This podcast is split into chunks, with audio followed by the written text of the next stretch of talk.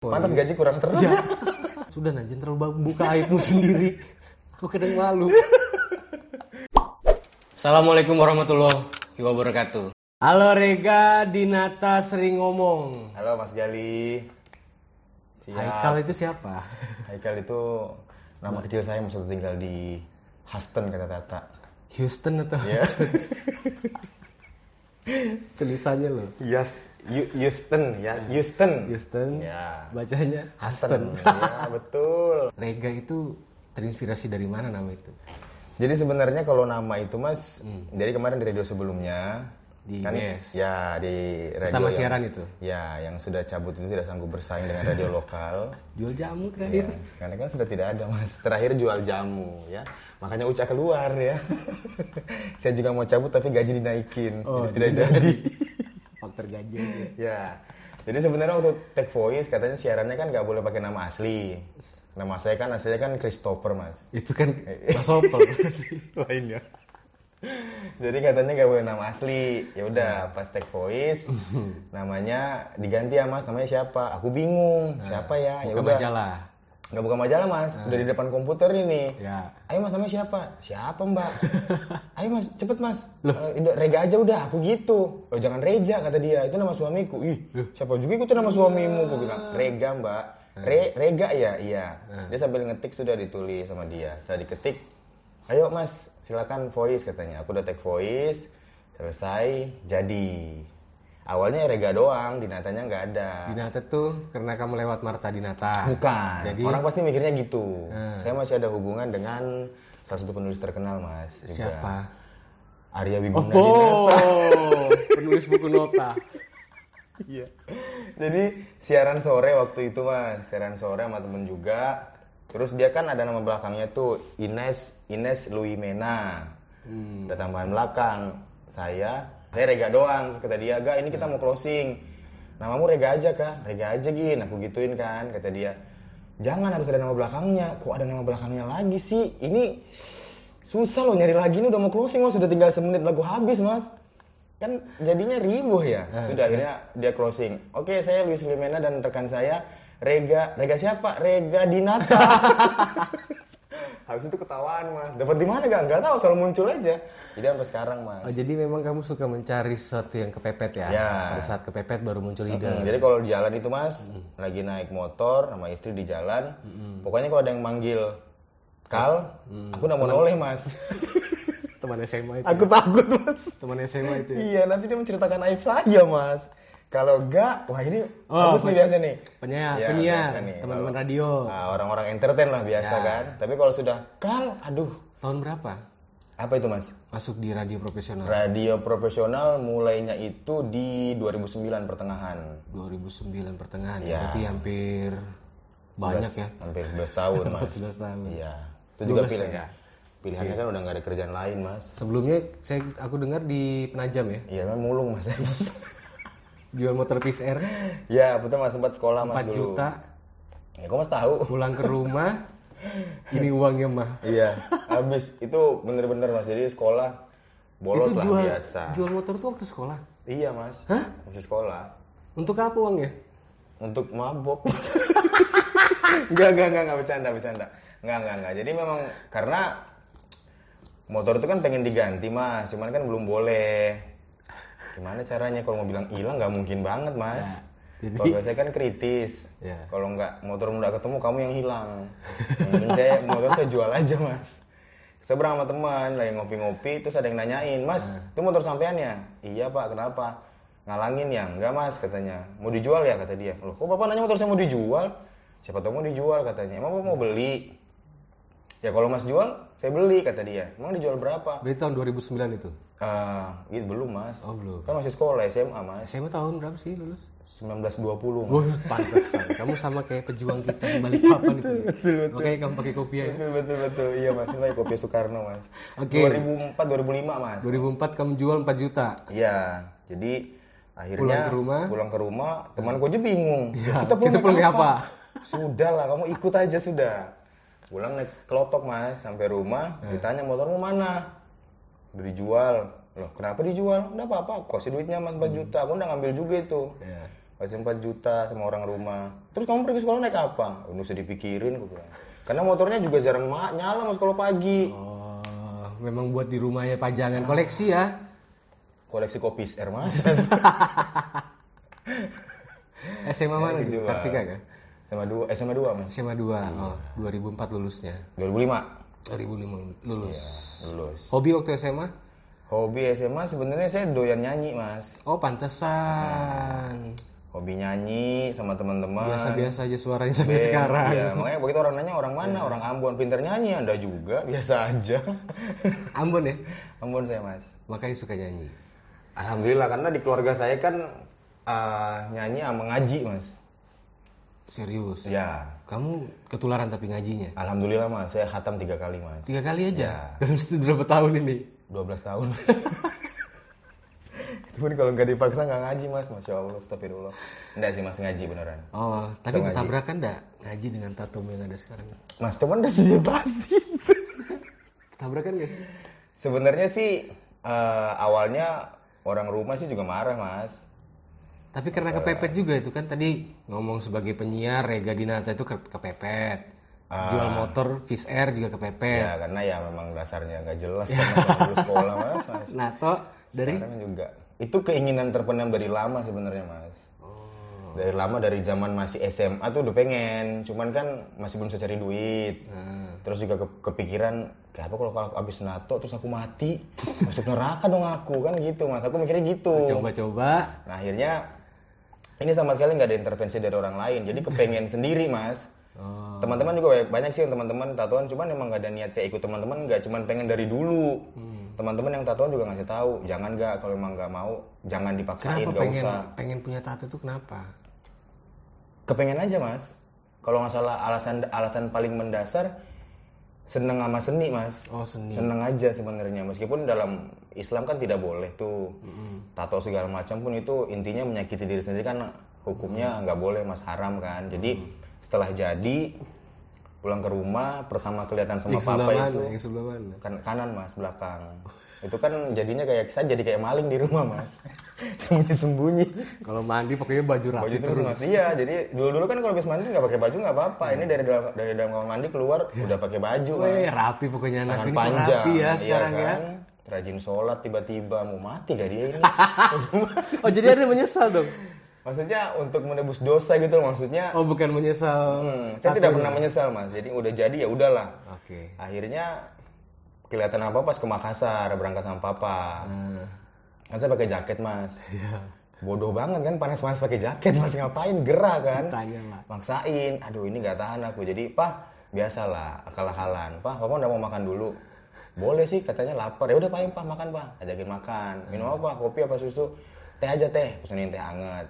Udah ngobrol-ngobrol kan gerah mas udahlah aku pikir nggak mungkin dong dia marah di bandara iya kan ini gak jadi berangkat ini Oh Pak. jadi tiket papa ini gak jadi tak beliin ini kalau papa marah ini jadi ngambil momen ya? Iya akhirnya sudah saya buka jaket mas buka jaket terus papa ngeliat kan loh kamu tatoan ya katanya itu akal aku aw- awalnya ngomong temporari temporari ini pak bisa apa hilang. pertama, bro? Wolverine mas Wolverine.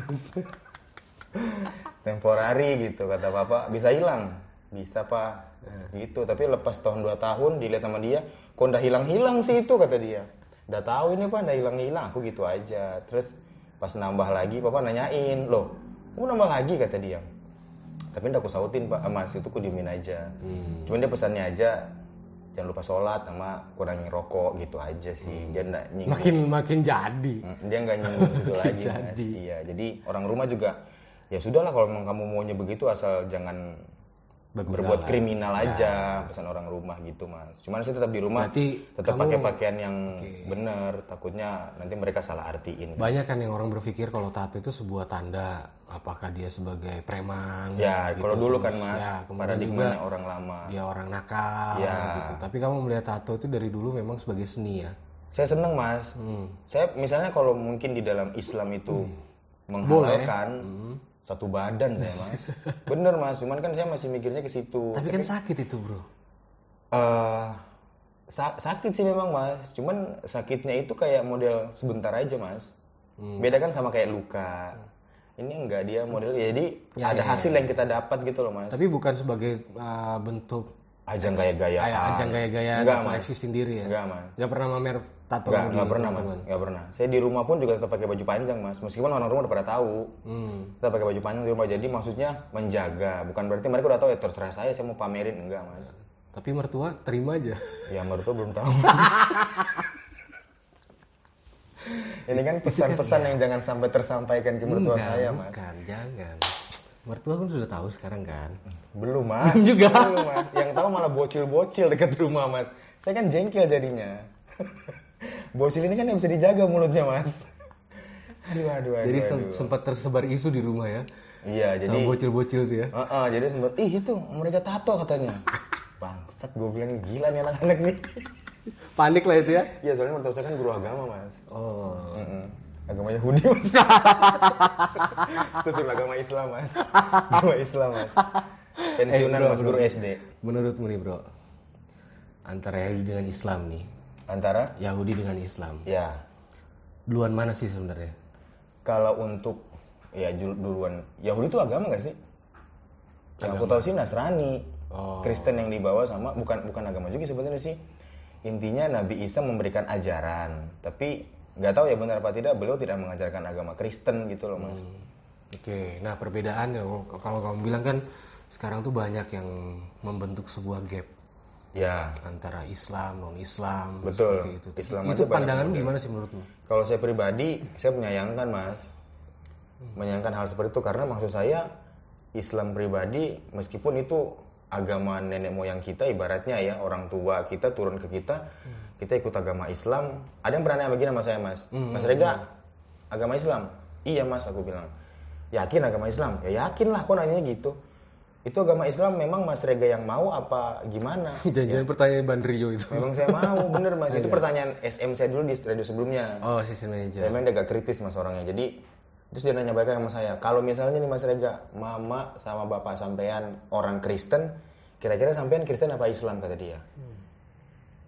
Gak bisa jawab kan kata dia. Ya mungkin ya karena mungkin ini agama bawaan orang tua saya, saya nggak mungkin pindah agama dong aku bilang gitu. Berarti tapi sekarang Mas Rega yakin nggak sama agamanya dia bilang. Ya saya yakin sama agama saya, saya bilang gitu Mas. Yakin sama agama Islam Mas Rega, saya yakin aku bilang. Mas Rega nggak misalnya nggak ada kepengen gitu buat cari agama lain. Dia Muslim juga Mas. Muslim taat lagi. Dia nanya gitu malah nggak kepengen untuk nyari kebenaran gitu. Islam memang benar, cuman kan maksudnya Toleransi karena kan iya, karena kan ini bawaan nih. Kalau misalnya ma- orang tuanya Mas Rega nggak beragama, Mas Rega kan nggak beragama juga pasti. Aku mungkin dalam hati kecil mikir, iya juga ya gitu loh, karena bawaan dari turun temurun. Oke, berarti menurutmu agama itu bawaan, bukan keyakinan kah? Sebagian orang berpikir itu keyakinan, tapi sekarang orang juga salah mengartikan, Mas. Keyakinan yang mereka anut kan saya tidak 100% yakin sama apa yang mereka laksanakan, apa yang mereka kerjakan gitu. Kayak Islam sendiri kan kita banyak banyak model kan mas, banyak macam. Tapi yang diajarin papa saya cuma satu, ikutin sunnahnya Nabi, Hmm. hadis, Al-Quran itu udah petunjuk hidup paling benar. Ya, dalam dalam sunnah-sunnah itu kan ada Ya, toleransi. betul. Itu diajarkan. Sebenarnya saya nggak bilang agama lain jelek tidak. Semua kan mengajarkan kebaikan. Tidak ada agama yang mengajarkan pergi maling kalau nggak punya uang tuh nggak ada gitu loh. Di Islam kan diajarkan semua itu mas. Bahkan saya pernah mendengar juga cara mengatakan bahwa jika kita di suatu tempat di hutan belantara tidak ada makanan Ya. dan cuma ada babi, Ya, itu halal buat kita makan gitu loh mas. berarti toleransi. Nah, ada dia. toleransi dalam sebuah Ada toleransi, agama ya. ya, Dan kamu pegang sampai sekarang untuk Betul, masalah Mas. toleransi kan ini kita lihat beberapa tahun terakhir ya, anggap Ya. 10 tahun terakhir toleransi agama itu betul-betul sebagai gejolak-gejolak yang menurutmu kira-kira itu dibuat atau memang manusia punya pemikiran yang sama? Toleransi. satu sisi- jadi akhirnya toleransi itu dibuat gesekan. Ya, di satu sisi ada yang buat, di satu sisi memang banyak pemahaman yang tidak benar-benar paham, Mas. Seperti itu. Karena kadang kalau kita, kita lihat ya, negara-negara Islam sendiri aja bersama negara Islam, mereka perang. Toleransi yang mereka terapkan tuh seperti apa gitu.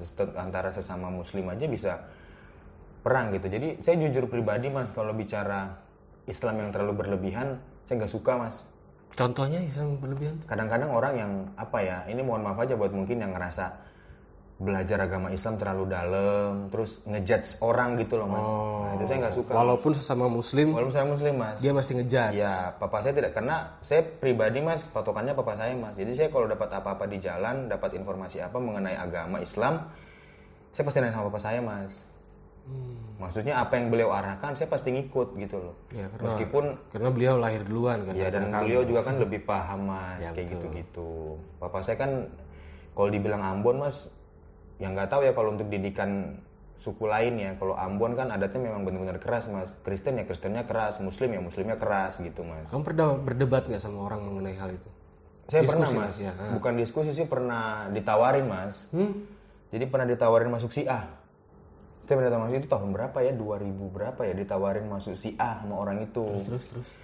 Saya nggak mau mas, jadi ditawarin. Saya dapat Daerah-daerah ini ya, daerah-daerah barat sana ya. ya di ditawarin dia di daerah barat tapi dia tinggalnya di utara mas. Tawarin terus eh, ngomong sama saya Mas Rega ya bicara lah bicara soal Islam lah. Saya bilang Pak saya bukan orang yang paham benar soal Islam tapi yang saya tahu Islam itu rahmatan lil alamin. Saya menjalaninya itu suatu kebutuhan buat saya bukan kewajiban. Saya bilang gitu mas. Sama kayak kita makan. Kita kan makan butuh mas. Kalau nggak makan kita bisa mati. Nah sama kayak saya jalankan agama Islam. Saya nggak jalankan agama saya dengan benar. Nggak jelas hidup saya jadinya gitu. Jadi dia nawarin saya untuk Mas mau nggak masuk si A kata dia. Kalau wa- kewajiban itu maksudmu keter- keterpaksaan. Iya gitu dong, ya. kewajiban kebutuhan kan itu udah nanti harus ya. betul nggak ada yang namanya kita berharap timbal balik gitu loh mas itu dia nawarin saya katanya nanti kalau masuk si A dapat rumah dapat kendaraan dapat modal usaha diberangkatkan ke Iran itu tapi berangkat ke Iran dulu mas Itu disuruh enak, belajar mas 2 sampai tiga tahun belajar sama imam besar serius mereka itu dibuat iya mas siapkan rumah. iya mas diajarin Pernah nanya nggak modal mereka dari mana? mereka nggak mau ngasih tahu mas Tapi pernah sempat tanya itu. Jadi aku nanya sama mereka dia cuma senyum doang. Dia dia malah ngomongnya ya itu bukan urusan Mas lah. Yang yang jelas Mas mau nggak kata dia. Dia bilang begitu sama saya Mas. Kalau mungkin saya Tujuannya apa ngajak kamu? ya tujuannya saya nggak tahu dia latar lihat latar belakang saya apa ya Mas. Cuman dia nawarinnya memang langsung ke saya gitu, ngajak Kamu coba kamu kasih tato mungkin nggak jadi kali ya. mungkin ya kali ya. ya kata tahu dia nggak mau kali Mas. Iya. Cuman saya bilang saya nggak mau. Saya bilang, do dia alasannya loh kenapa mas? Ini kan jelas mas dunia mas sudah dapat kata dia. Ya saya bilang Pak, saya bukan masalah. Saya nggak munafik lah. Saya juga butuh uang lah. Masalah-masalah seperti itu nggak mungkin saya nggak mau. Cuman saya balik lagi mas. Saya bilang, "Eh, saya diajarkan papa saya. Maksudnya kita beragama yang benar-benar aja. Tidak usah terlalu berlebihan. Itu kamu sampaikan. Iya, saya bilang sama dia, saya pak begini-begini aja modelnya belum tentu saya masuk surga. Saya Pasti kan dia tetap memaksa itu. bilang. Iya dia memaksa sama itu sempat berapa kali dia mas datengin saya, cuman saya bilang Pak maaf aja ya Pak, saya nggak mau, saya bilang gitu. Tapi dia tetap dengan dalil-dalil dalihnya dia macam-macam memberikan kesenangan dunia lah mas. Cuman saya bilang saya nggak mau. tadi awalnya dia bilang dunia sudah dapet. Iya mas, makanya dia ngasih semua mas. Maksudnya dia nambah nih, nih Oh. dikasih nih ini nih, mas pulang nanti dari Iran, dari belajar di sana, mas kita kasih modal usaha, mas kita support tiap bulan. Setelah itu mau diapain? ya dengan dengan alasan ya biar saya dapat biar saya bisa mengajak orang juga di sini makanya disuruh belajar ke Iran dulu Banyak kamu tahu anggotanya kira-kira. Eh, dapat informasi sih di Balikpapan ada beberapa mas Berapa titik gitu ya? ada beberapa titik.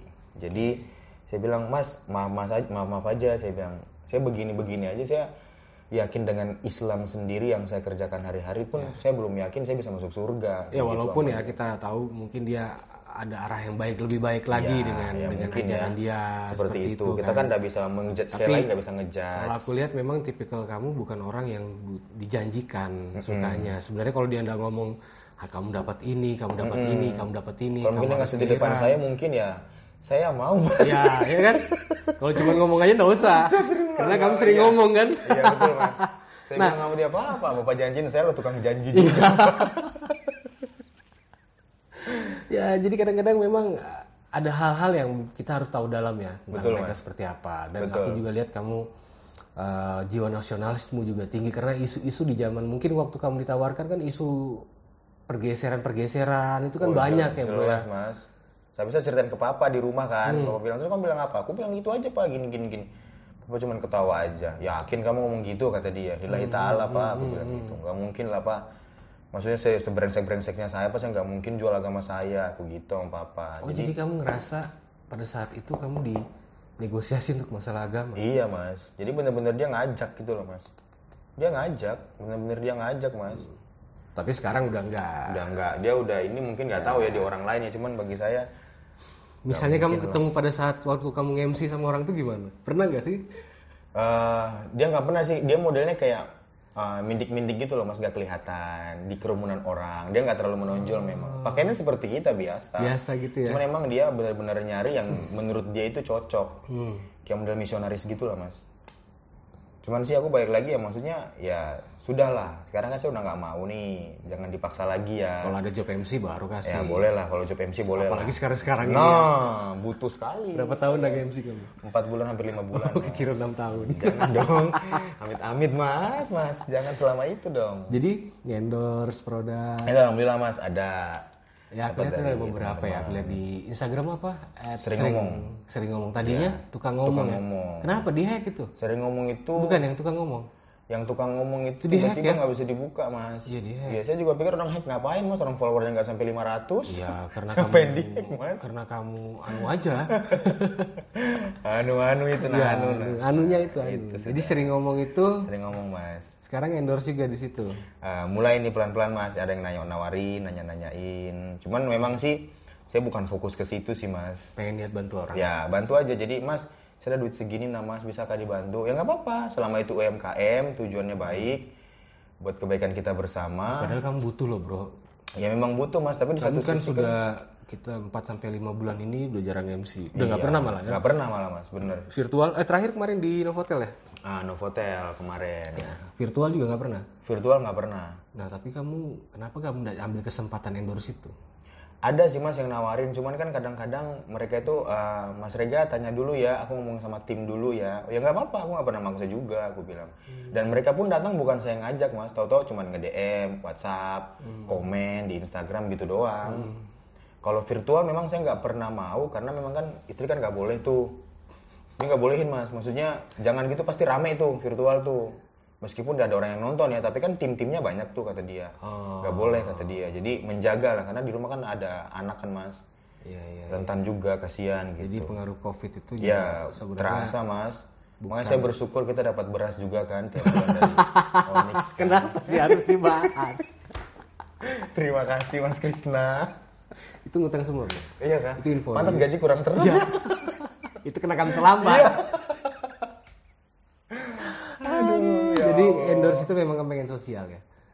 sementara bantu mas teman-teman mas Hmm. banyak yang mas Rega aku pengen lah mas tapi duitnya cuma segini mas lo nggak apa-apa lah aku bilang nggak Iya. Kenapa apa-apa saya kamu bantu mau lakukan itu? Padahal kan mereka dapat duit dari hasil penjualan eh apa hasil endorse hasil endorse nggak apa-apa mas maksud saya ini saat nggak ada salahnya kita bantu mereka lah. mungkin tidak langsung dari situ kita dapat hasil tapi Hmm. di lain sisi nanti kita bakal dapat dampaknya gitu loh mas Prinsip toleransinya. ya Oke. kalau saya sih mikirnya saya nolong orang meskipun orang itu nggak balik nolong saya ya sudah mungkin orang lain yang bakal nolong saya gitu mas Hmm. Oh jadi memang prinsip dasarmu memang suka membantu dengan masa-masa kepepet lagi ya. iya betul Bantu Pak. mamamu jualkan fish air. iya betul memang tidak ada uang kita jual Covid itu juga betul-betul berpengaruh kamu sebagai Mo- aku bilang aku seniman. sering itu jual mas gitu mas dulu motor fiction saya juga gitu Sudah Najen terlalu buka aibmu sendiri. Aku kadang malu. dengan aku habis ini datang lagi sudah mas. Nah virtual Covid itu sangat apa ya istilahnya mengganggu sekali secara ekonomi bro ya. terasa mas pasti. semua ketemu teman-teman event teman-teman yang bukan event pun aku ini sering biasa tuh kayak ngobrol sama penjual di pinggir jalan tuh loh mas.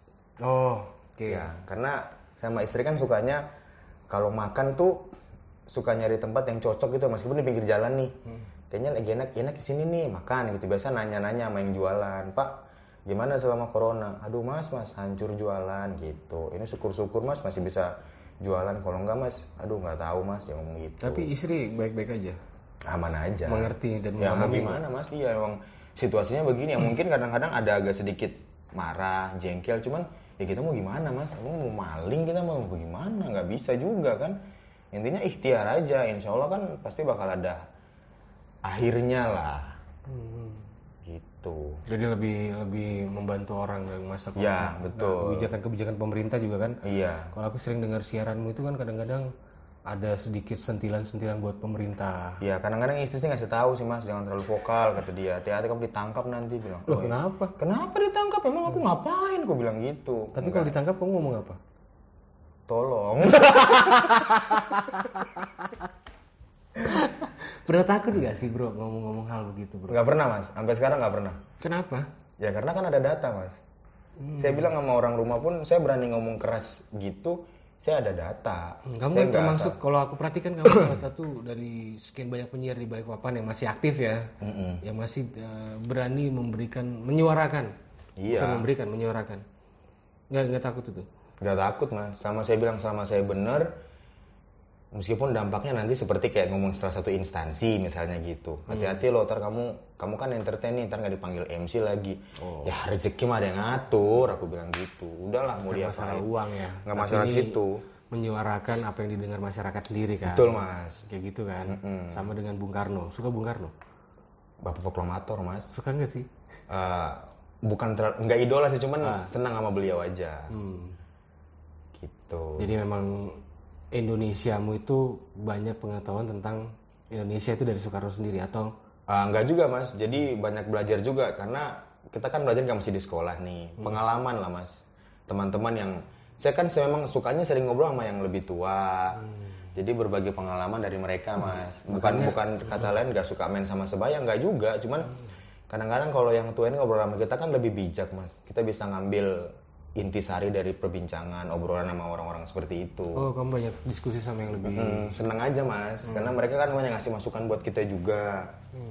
Gitu sama teman-teman sebaya paling bercandaan gitu-gitu doang. tentang Indonesia pernah ngobrol nggak? Kalau Indonesia kadang-kadang kalau ketemu orang yang eh, kadang kalau terlalu berat juga mas saya males mas.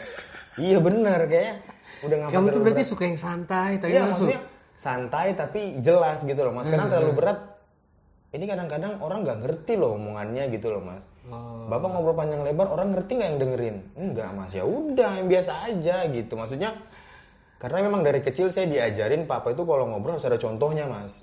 Oh, Jadi ngasih contoh, oh ya. ngasih contoh kayak contoh lah kita pakai jam tangan. Hmm, sebelah Saya kanan pakai atau jam sebelah tangan kiri? sebelah kiri mas. Ya. Nah ada beberapa orang berpendapat eh, bagusnya pakai jam tangan sebelah kanan gitu katanya Tapi gitu kan contohnya, ya. karena Islam kan mengajarkan yang baik-baik nih Hmm. kiri itu kayaknya kurang bagus segala macam tapi eh, kalau papa sih ngajarin logika aja deh kamu kan tangan aku kan kidal mas aku lebih prefernya memang ke tangan kiri mas Oh. Suka gitu. dibully nggak sih anak tangan kidal tuh? saya malah seneng mas kalau dibully saya karena kan kita minoritas mas Oh, senang dibully ya? bener mas kalau orang ngomong kidal kamu gini gini Iya. Presiden Amerika dulu kan Bill Clinton kan tangan kiri mas. Nah maksudnya bukan bukan berarti kebanyakan rata-rata orang pinter beberapa persen itu kidal mas gitu. Tapi kok saya bodoh ya? Gak bodoh, kamu seniman. Bro. Kan seniman. Waktu kamu dibully tangan kirimu apa kamu bilang? Ya aku nggak pernah masalah mas masalah Tapi itu, dibully Mas. bener kan? Iya tangan cebok lah. Oh, tangan kiri, tangan kanan dong lu suka tangan kiri gitu. Saya seneng aja. Tapi makan tangan kiri atau tangan kanan? kanan mas dulu kiri dulu kiri kecil mas mulai gede terus malu kan sama temen kan Hmm. papa malah sempat eh kamu nggak apa-apa kamu makan tangan kanan tangan kiri aja kata papa gitu papa tuh sebenarnya orang juga santai Papa juga orang santai iya ya. maksudnya nggak apa-apa lah kalau mau tangan kiri tangan kiri aja kata dia gitu jangan pak malu pak udah SMP kelas 2 mas tangan kiri makannya aku gitu Hmm. awal makan tangan kanan mas malah tumpah-tumpah nasi gue mas dari semak SMP itu? SMP mas Penyesuaian berapa lama bro? Sebentar aja sih itu Iya nggak sampai sebulan karena kan hari-hari kan makan mas jadi hari-hari belajar makan kayak anak bayi. Saya juga pertama belajar puasa SMP kelas 1 mas. Oh gitu. Itu papa baru itu pun udah dibolehin sebenarnya mas sama papa. Maksudnya jangan dijadikan suatu paksaan kamu itu puasa. Kebutuhan. Ah betul. Kalau kamu cuman karena temanmu puasa kamu puasa juga ya ngapain? Kata papa gitu. Cuman ke sini ke sini aku mikirnya jadi kadang main sama teman aku tuh nggak puasa mas. Cuman main sama teman kadang lapar disuruh pulang sama papa kalau lapar pulang. Jangan makan di jalan. Ya, jadi makan di jangan jalan kan sampai kotor kan, betul di bawah. apalagi di tengah mas. Iya, Orang taruh orang. jadi pulang dulu makan di rumah nanti sudah kenyang. Ya sudah main sudah sana main. Jadi bener-bener di ini anak SMP kelas 1 papa bilang kalau sanggup udah sanggup sehari Setengah hari. aja dulu cuman kan aku malu juga mas Ya. udah SMP Oh, pakai tangan kanan tangan No, no, kiri. no, no, no, no. Tangan kanan tangan kiri. No, no, no. Enggak, tangan kanan tangan kiri. Yang kuat kiri lah. Mas. Kalau mau agak lama kanan mas. Oke. Jadi mulai puasa akhirnya Papa kaget puasa satu hari. Iya pak, yakin. Iya pak. Saya dari kecil mas ngaji di rumah. Sholat Jumat pun saya nggak boleh sebenarnya mas. Karena papa takutnya saya main-main di masjid mas. Kamu tuh terlalu liar berarti sudah Udah dari tahu mas makanya itu saya sampai nggak boleh sholat di masjid mas. Dan dulu pernah sekali kan Ambon mas jadi pakai celak mata mas. Celak mata kalau mau sholat Jumat pakai celak Kenapa? mata yang hitam Kenapa? bawaannya orang sana kan mas. Oh. Jadi di Ambon tuh emang anak-anak kecil kalau mau sholat sampai gede loh sampai segede kita gini Tahu mas. nggak sih fungsinya? Sunnahnya itu pakai celak mata mas. Fungsinya tahu nggak sih? Aku belum tahu sampai sekarang mas. Celak Cuman, mata yang aku ya, tahu. Memang lebih bagus. Bukan. Jadi untuk perang itu sudah dipakai celak itu. Untuk kekeran itu lebih lebih afdol lah. Iya lebih bagus lah lebih ya. lebih bidik. Lebih bidik lah. Jadi kamu pakai celak. Jadi celak itu pernah mas kan? Aku kan sempat gedenya di Makassar mas, sempat kan sekolah Hmm. SD di sana. Jadi budayanya kan beda mas. Iya, kamu celak. Nah, jadi nenek saya kan Ambon banget mas, keras mas. Aku tuh udah nggak mau mas, dipaksain sama dia. Hmm. Pakai celak mata, udah kepake, dihapus kan jadi kayak Ya, anak alet coret-coret. yang habis menangis mas. Jadi Ya. aku biarin. Namanya masih kecil mas, cuek aja udah sampai di masjid. Dibilangin bencong dong mas. kan saya malu mas. Ya Allah, habis itu maksain ambil wudhu, malah belepotan di muka jadinya. Pulang tambah dimarahin lagi, kenapa dihapus kan? Nek, ini wudhu. Ya masa wudhu gak cuci muka? Gitu. Akhirnya Akhirnya Makassar- besok-besok papa udah kasih pengertian ke nenek. Maksudnya udah mak, nggak usah dipaksain. Kan ini nggak sama sama kita di Ambon. Loh kamu dulu waktu masih kecil kan pakai celak. Ya iya jangan disamain kan dia. Di sini di Makassar nggak ada yang pakai celak pergi sholat. di Balikpapan pakai celak. Balikpapan ada beberapa yang aku lihat mas. Hmm. Akhirnya ya udah di Balikpapan sempat pakai celak mata juga sholat karena lihat orang ada kok beberapa pakai celak. Ya udah aku nggak apa-apa gitu. Kalau ngambil sendal juga pakai celak, Bro. Kalau ambil sendal Dicelakin. pakai- Warna biru. biru lagi mas. Waalaikumsalam warahmatullahi wabarakatuh.